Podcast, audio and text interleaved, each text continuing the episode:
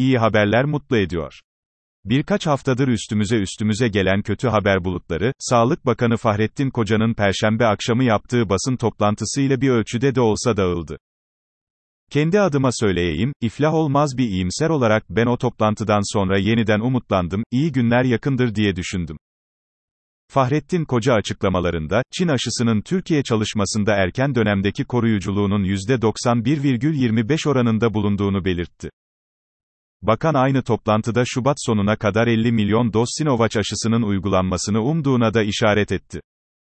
Anlaşılan o ki ilk aşamada 9 milyon vatandaşımız aşılanacak. Şubat sonuna kadar da rakam 25 milyona ulaşacak.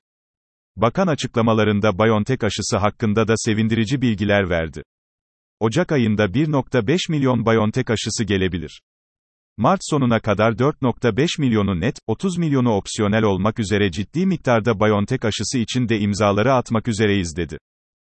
Kısacası pandemi sürecinin ucundaki umut ışığı kabul ettiğimiz aşılanma konusundaki gelişmeler şimdi daha net ve açık. Umalım ki o açıklamalar doğru çıksın. Sözler tutulsun. Aşılama süreci bir an önce başlasın. İyi haber.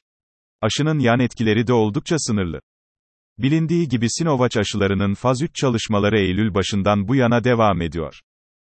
Çalışmaları yürüten ekibin sorumlusu Profesör Doktor Serhat Ünal'a göre aşı sadece yüksek bir etkinlik oranına sahip değil, aynı zamanda oldukça önemsiz ve çok düşük oranda yan etkiler oluşturmasıyla da umut vaat ediyor. Bizdeki çalışmalarda baş ağrısı, yorgunluk, aşı yerinde kızarıklık ve ağrı dışında ciddi bir sorun yaşanmamış. Aradan 3 aya yakın bir zaman geçmesine rağmen can sıkıcı hiçbir yan etkiye rastlanmamış. Bu da sevindirici bir haber. Bir uyarı. Zatürre oranında artış var. Covid-19'un en korkulan sonuçlarından biri yol açtığı zatürre problemi. Üzülerek belirteyim. Bu probleme yakalananların önemli bir bölümünün yaşadıkları solunum sıkıntısı nedeniyle yoğun bakıma almak zorunda kalıyoruz. Maalesef bir kısmını da kaybediyoruz. İşte bu nedenle hastalığa yakalananlardaki zatürre oranı çok önemli bir parametre.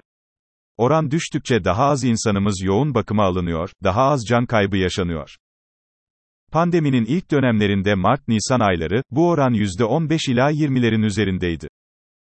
Son haftalarda %3'ün bile altına düştü. Ama bu hafta yeniden %4,1 gibi can sıkıcı bir yükselişe şahit olduk. Peki, sebep ne? Bir uyarı. İlaçları kullanmayanlarda zatürre oranı daha yüksek. Sahada çalışan doktor arkadaşlarımızdan gelen net bilgi şu.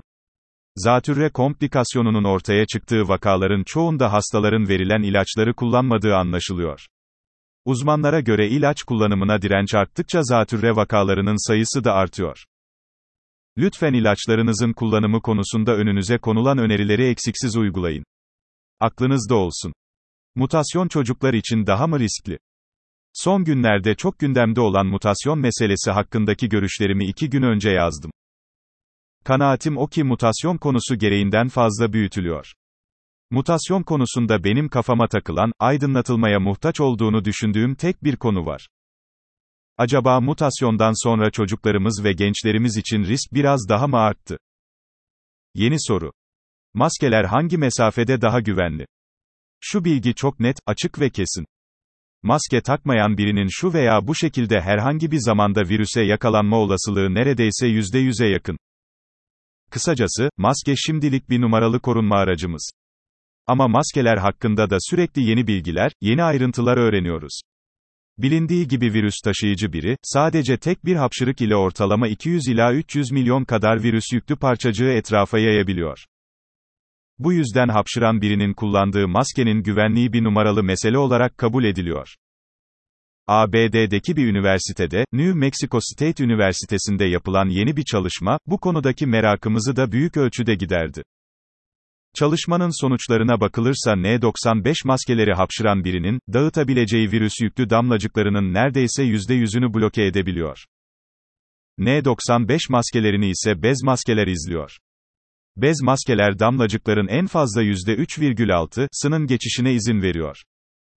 Aynı araştırmada daha güvenli bir önlem olarak maske takma yanında mesafe meselesine de dikkat çekiliyor. Araştırmanın sonuçlarına bakılırsa en güvenli mesafeyi 2 metre ve daha fazlası oluşturuyor. Bana göre Çocukları ve gençleri koruyun. Virüs bu mutasyon ile muhtemelen hücrelere daha kolay yapışabilme, dolayısıyla bulaştığı kişiyi daha kolay hasta edebilme potansiyeli kazandı. Bilindiği gibi çocuklarda virüsün hücreye girerken yapıştığı ACE2 reseptörlerinin sayısı yetişkin ve yaşlılardan çok daha az. Zaten bu nedenle de virüs çocukları kolay kolay hasta edemiyor. Eğer bu son mutasyon ile yeni koronavirüs çocuklar ve gençlerde az sayıda da olsalar o reseptörlere daha kolay tutunma yeteneği kazanmış ise bu gelişme çocuklarımız için yeni bir risk faktörü olabilir. Kısacası, konu açıklığa kavuşana kadar çocuklar ve gençlerimizi daha sıkı korumamızda fayda var. Okur sorusu. K2 vitamini ne yapıyor? K2 vitamini D vitamini ile ortaklaşa çalışan önemli bir doğal mucize. Kalsiyumun kemikler ve dişlere giderek oralarda birikmesini teşvik ediyor. Bir başka işi de kemik tamir ustası osteokalsin isimli proteini aktive etmek. Ayrıca K2, yumuşak dokularda kalsiyum birikmesini önleyen bir süpürge gibi de çalışıyor.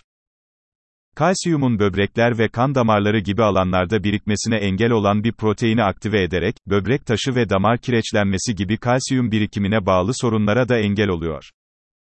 Kısacası, yeterli K2 vitamini stokuna sahip olmak sağlığımız için vazgeçilmez bir ayrıntı. Kısa bilgi. Bağışıklığı güçlendiren 6 bitkisel destek. Beta karotel, ekinezya, çörek otu, ıhlamur. Karamürver, umkleoba.